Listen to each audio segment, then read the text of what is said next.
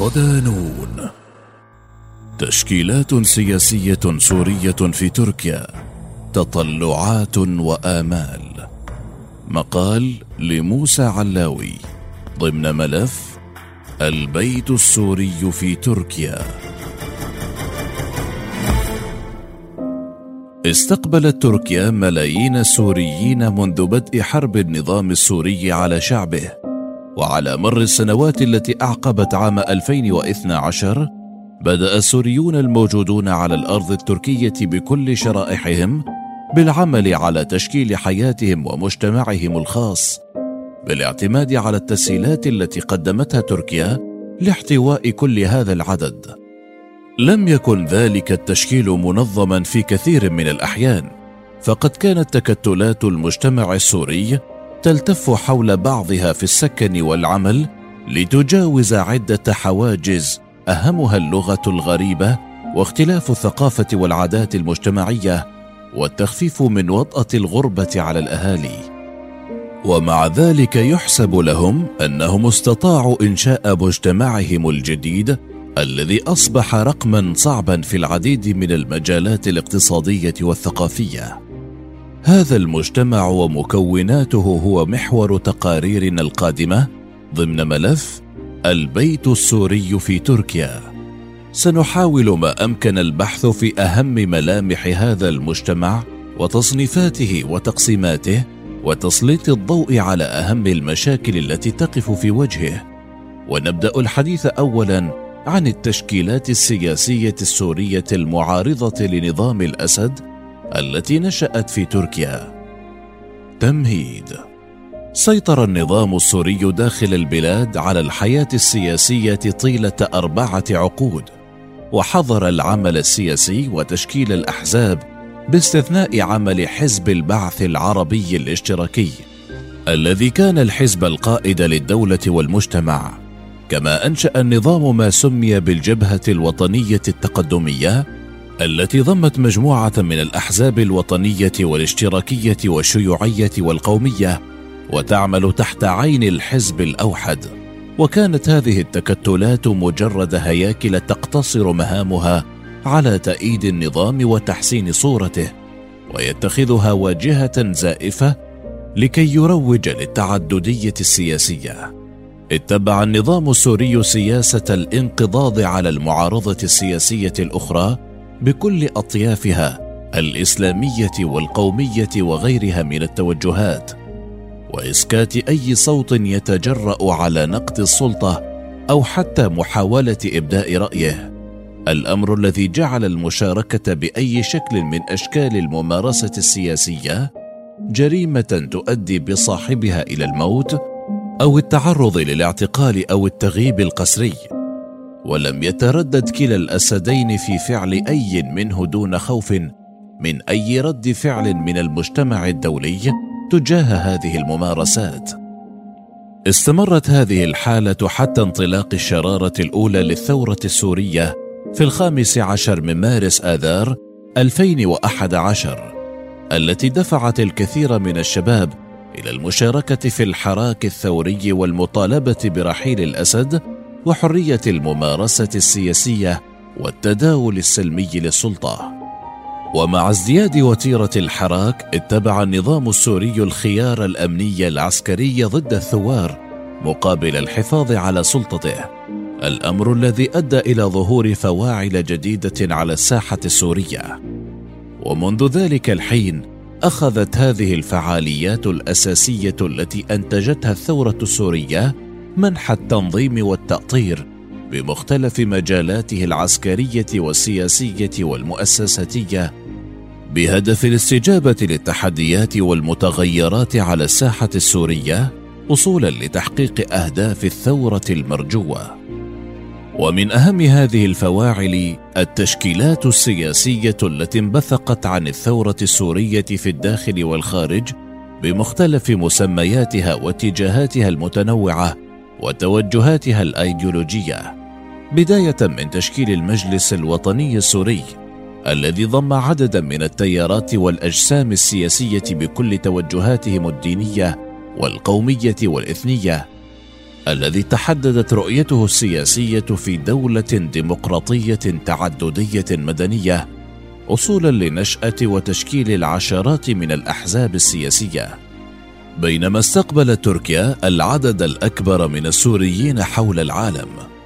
كان أيضا لها القسم الأكبر من الحراك السوري السياسي المعارض فقد أتاحت الحكومة في أنقرة حرية الحركة السياسية للمعارضة بل وكانت تقدم الدعم لها في كثير من الأحيان وفتحت لها المجال لإقامة فعالياتها وتأسيس مكاتبها دون إعاقات تذكر. حتى باتت تركيا اليوم تستضيف آلاف السياسيين السوريين وعددا كبيرا من التكتلات والتجمعات والأحزاب السورية على أراضيها.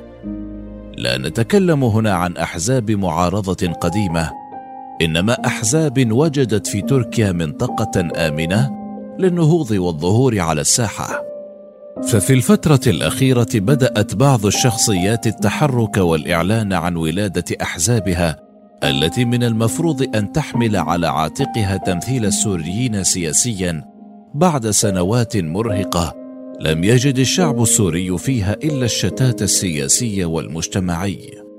في هذا التقرير استضفنا في نون بوست شخصيتين من سوريا هما ياسر العيتي ومحمد ياسين نجار للحديث عن العمل الحزبي السوري المعارض في تركيا. إلى أين يمضي وما المستقبل أمامهما؟ ولعل السؤال الأهم ماذا سيقدم للشعب السوري بعد عشر سنوات عجاف؟ النشأة. يقيم الدكتور ياسر العيتي في إسطنبول وهو كاتب وسياسي معارض وأحد مؤسسي تيار سوريا الجديدة في المدينة ذاتها. وهو التيار الناشئ كما يعرفه الدكتور ياسر في حديثه لنون بوست هو تيار سياسي وطني محافظ بابه مفتوح لكل السوريين بكل أديانهم وطوائفهم طالما اتفقوا معه في الرؤية العامة ونظرته للأمور. ويشرح العيتي معنى المحافظ في وصف تيارهم بقوله محافظ مجتمعيا واخلاقيا وقيميا لأننا نرى أن أكثرية السوريين تنتمي إلى هذه الشريحة. لا نحب أن نسمي أنفسنا إسلاميين لأننا حقيقة ليس لدينا فهم خاص للدين نود طرحه على المجتمع أو نلزمه به. يرى التيار السوري المعارض أن الأخلاق والقيم والثقافة في المجتمع السوري هي جزء أساسي من لون هذا المجتمع الحضاري. ومن أهم أسباب استقراره ومنبع هذه الصفات هو الإسلام. ويشير العيتي إلى أنه من هذا المنطلق نرى أن هناك مكانة للدين في حياة المجتمع وازدهاره واستقراره بالفهم العادي والفطري المعتدل الذي يحمله السوري بعيدا عن أي أيديولوجيا وأي تصور محدد للدين نلزم الناس به. تشكل تيار سوريا الجديد عام 2015 وفي البداية عمل المؤسسون على إعداد أنفسهم من خلال دراسة الملفات الأساسية التي يجب على كل كيان سياسي يفكر بالظهور العمل عليها وفقا للعيتي وهي ملف الانتقال السياسي والرؤية لسوريا القادمة بكل المجالات مثل التعليم والصحة والقضاء والأجهزة العسكرية والأمنية. وما بين عامي 2015 و 2020 بدأ التيار بالتوسع حسب ما تقتضيه الحاجة مقتصرا على فئة معينة من الأشخاص ينتقيها بعناية إذ إنهم إلى الآن لم يفتحوا أبواب الانضمام رسميا. في ذات السياق الحركي السياسي السوري تبرز حركة العمل الوطني السوري التي تعتبر من الأجسام السورية المعارضة العاملة والفاعلة على مختلف الأصعدة. حيث نشأت هذه الحركة استجابة لنداءات الربيع العربي وشعور كثير من السوريين بأن أوان التغيير قد حان عبر وسائل سليمة. واستجابة للحراك الشعبي الواسع الذي انطلق في تونس ومصر وأخذ بالانتشار في دول أخرى. في حديثه لنون بوست يقول المهندس محمد ياسين نجار عضو المكتب التنفيذي للحركة ورئيس مكتب العلاقات الوطنية. كانت البداية في الثامن عشر من فبراير شباط 2011 قبل نحو شهر من انطلاق الثورة السورية باجتماع مجموعة من السوريين في إسطنبول والاتفاق على العمل المشترك ودعم أي حراك شعبي في سوريا. ومعظم المشاركين كانوا من معارض النظام المعروفين وتحركهم كان مستقلا عن أي جهة سياسية وبعيدا عن أي أهداف إيديولوجية سواء يكون ببعد وطني ويستوعب جميع السوريين مهما كانت انتماءاتهم وخلفياتهم المجتمعية. وفقا للنجار الذي عمل وزيرا في الحكومة السورية المؤقتة في فترة سابقة فإن الحركة عملت منذ البداية على دعم الحراك السلمي وكانت جزءا منه. وقدمت الدعم للشباب الذين انخرطوا فيه بما في ذلك تدريب مجموعات منهم على العمل الإعلامي والجماهيري بالإفادة من تجربة مصر. ووفرت الوسائل اللوجستية لنقل ما يجري في المدن المنتفضة إلى الإعلام العربي والدولي. وبشكل موازن تحركت لإنضاج فكرة المرجعية السياسية التي يمكنها نزع الشرعية عن النظام من خلال الاعتراف الدولي. وهو ما ترجم لاحقا بإنشاء المجلس الوطني السوري. العضوية كانت إسطنبول مركزا لنشأة الأجسام السياسية آنفة الذكر وعلى الرغم من أن حركة العمل الوطني تعتبر قديمة التأسيس بالمقارنة مع غيرها فإنها ما زالت تحاول مواكبة العمل السياسي واستقطاب الكفاءات والخبرات وتفتح باب الانضمام إليها على عكس تيار سوريا الجديدة الذي ما زالت أبواب الانضمام غير متاحة إلا لأشخاص محددين. يشير ياسين نجار إلى أن حركتهم لديها نظام دقيق للعضوية باعتبار الأعضاء جزءا من فريق عمل ينبغي أن تكون لهم مشاركة أو مساهمة في العمل العام بمختلف مجالاته. ومن متطلبات العضوية أن يكون الشخص من ذوي الاهتمام بالشأنين السياسي والعام ومن أصحاب الفاعلية ويلتزم برؤية الحركة وسياساتها. ويقدر النجار عدد المنتمين للحركة الذين يعمل أغلبهم في مكاتبها ولجانها ووحداتها ببضعة آلاف. ويقيم جزء منهم في الداخل السوري والجزء الآخر في دول الشتات وهؤلاء يشكلون النواة التي تدير ماكينة العمل الداخلية في الحركة.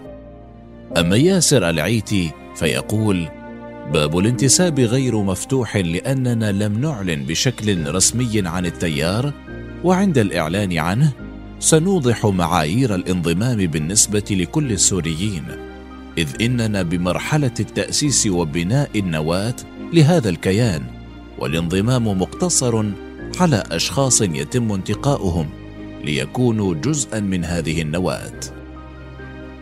الأهداف والأنشطة. تتبنى حركة العمل الوطني من أجل سوريا خطابا سياسيا عصريا مستندا إلى قيم المجتمع السوري وتؤمن بتمكين الشرائح الاجتماعية كافة لا سيما المرأة والشباب وتشجع مكونات المجتمع السوري على الانخراط الإيجابي في الحياة العامة كما عرفت الحركة بأدوارها المركزية في الإطار الوطني وترفعها عن أي إشكاليات أو نزاعات جانبية. وقد كانت المساهمه الأبرز في تأسيس المجلس الوطني السوري ثم أدارت الحوار الخاص مع القوى الحزبية السورية التي انضمت للمجلس. كما شاركت في تأسيس الائتلاف الوطني السوري ثم الحكومة السورية المؤقتة ومثلها وزراء وكفاءات في هذه الحكومة وفقا للنجار. ويضيف عضو المكتب التنفيذي بأن الحركة دعمت العملية السياسية انطلاقا من تقديرها بأن الحل في سوريا يجب أن يكون سياسيا.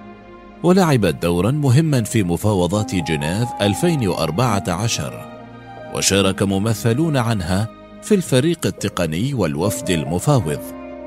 وانطلاقا من رؤية الحركة التي تقوم على مبدأ أساسي وهو إثراء العمل السياسي. تعمل الحركة من خلال مكاتبها والمؤسسات التي تدعمها على بناء إطار وطني متماسك يعبر عن أهداف الثورة السورية وإطلاق المبادرات وبناء الشراكات الوطنية ودفع الأجيال الشابة من السوريين المتعلمين وأصحاب الخبرات للانخراط في المؤسسات الوطنية السورية مع إعادة بناء رؤية استراتيجية لها واتباع أساليب عمل متطورة والعمل على إعادة كسب الرأي العام الداخلي والعربي والدولي والتعريف بالقضية السورية والدفاع عنها في المحافل الدولية إضافة إلى عملها في الداخل السوري المحرر والمساهمة في توفير الخدمات اللازمة وحث المجتمع الدولي على تقديم المساعدات والدعم المطلوب.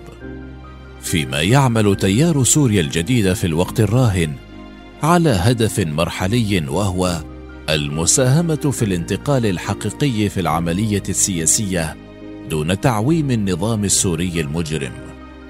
ويرى أن بعض الأجسام السياسية المحسوبة على الثورة السورية تنحرف عن المسار الصحيح للحل السياسي الحقيقي الذي يضمن تحقيق مصالح الشعب السوري ومنع تعويم النظام.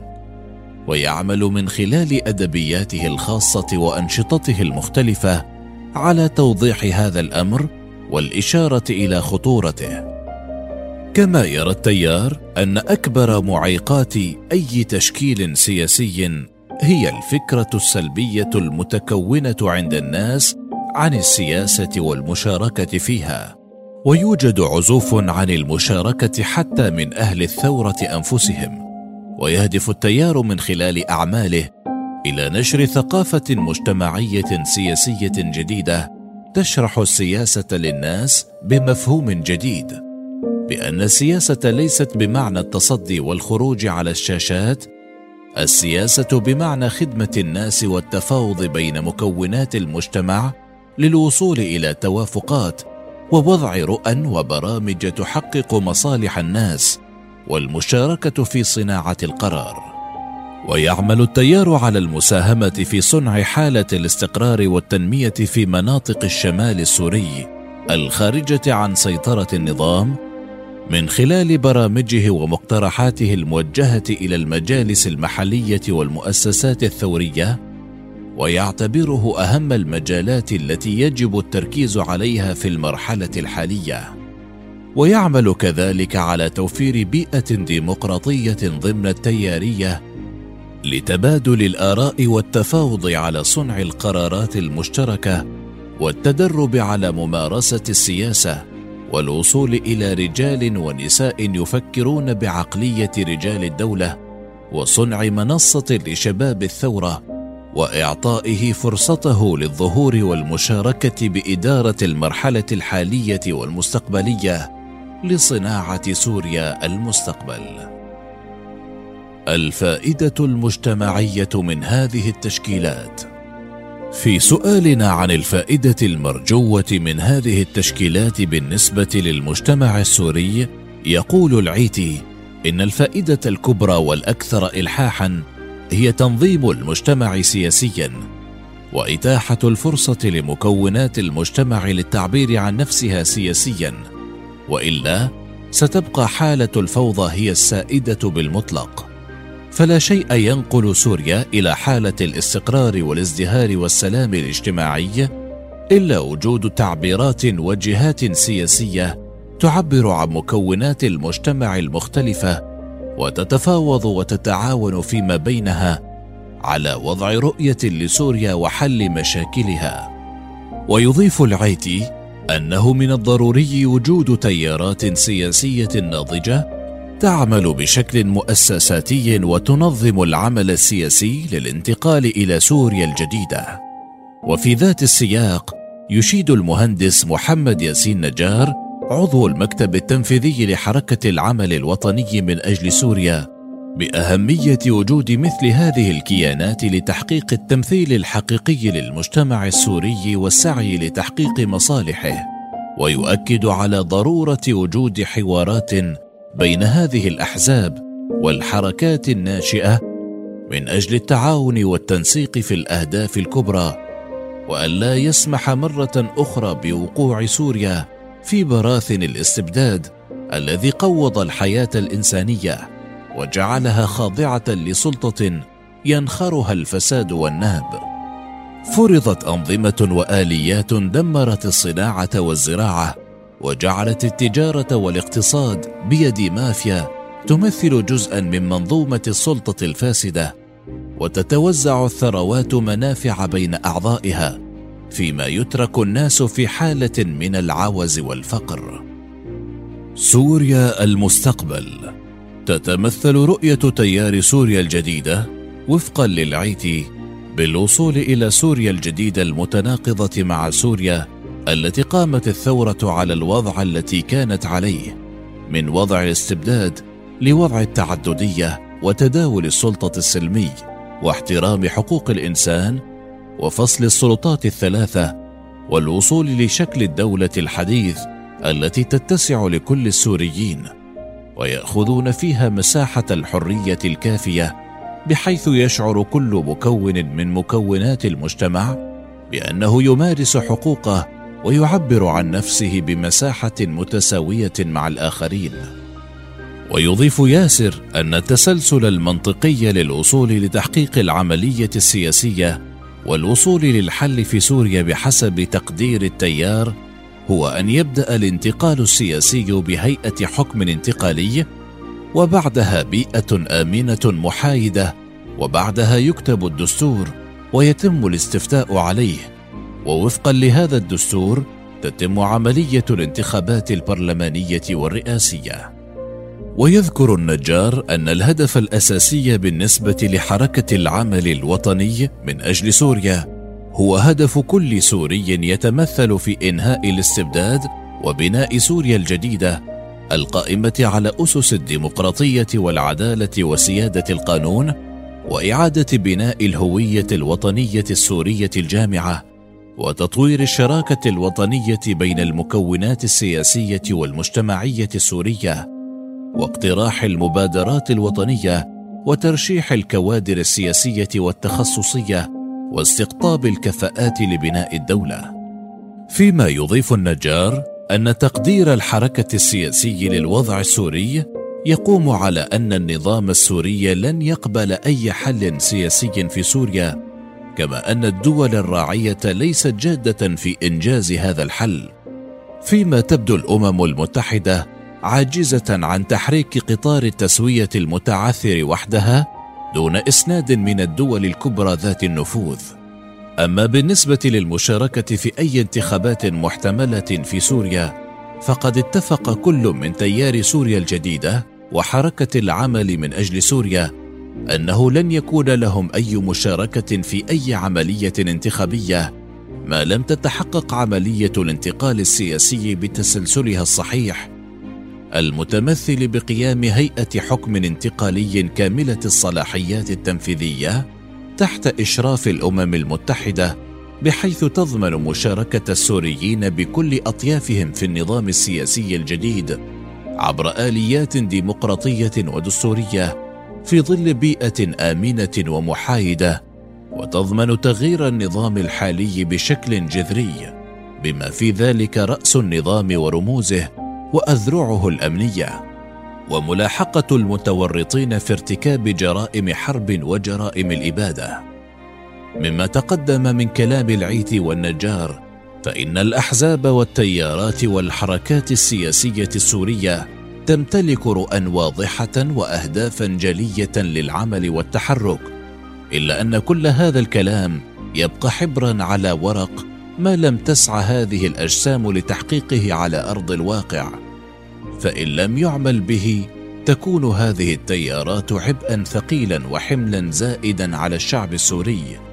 ذلك الشعب الذي عانى وما زال من تعثر العمل السياسي وكوارثه وإذا لم يصعد إلى سدة العمل السياسي من هو أهل فإن الحالة ستزداد سوءا. ولن تجد المعارضة لها موقعا في أي حل دولي قائم للبلاد. عدا عن ذلك فعلى السياسي الا يحزن حينما يجد نقدا لاذعا من الشعب لأنه لم يجد منه الذي يريد. ولم تكن الشعارات وحدها في يوم من الأيام تبني وطنا إذا لم تكن مقرونة بأفعال تساهم بالنهضة المجتمعية وتشارك شعبها أوجاعه ومصائبه.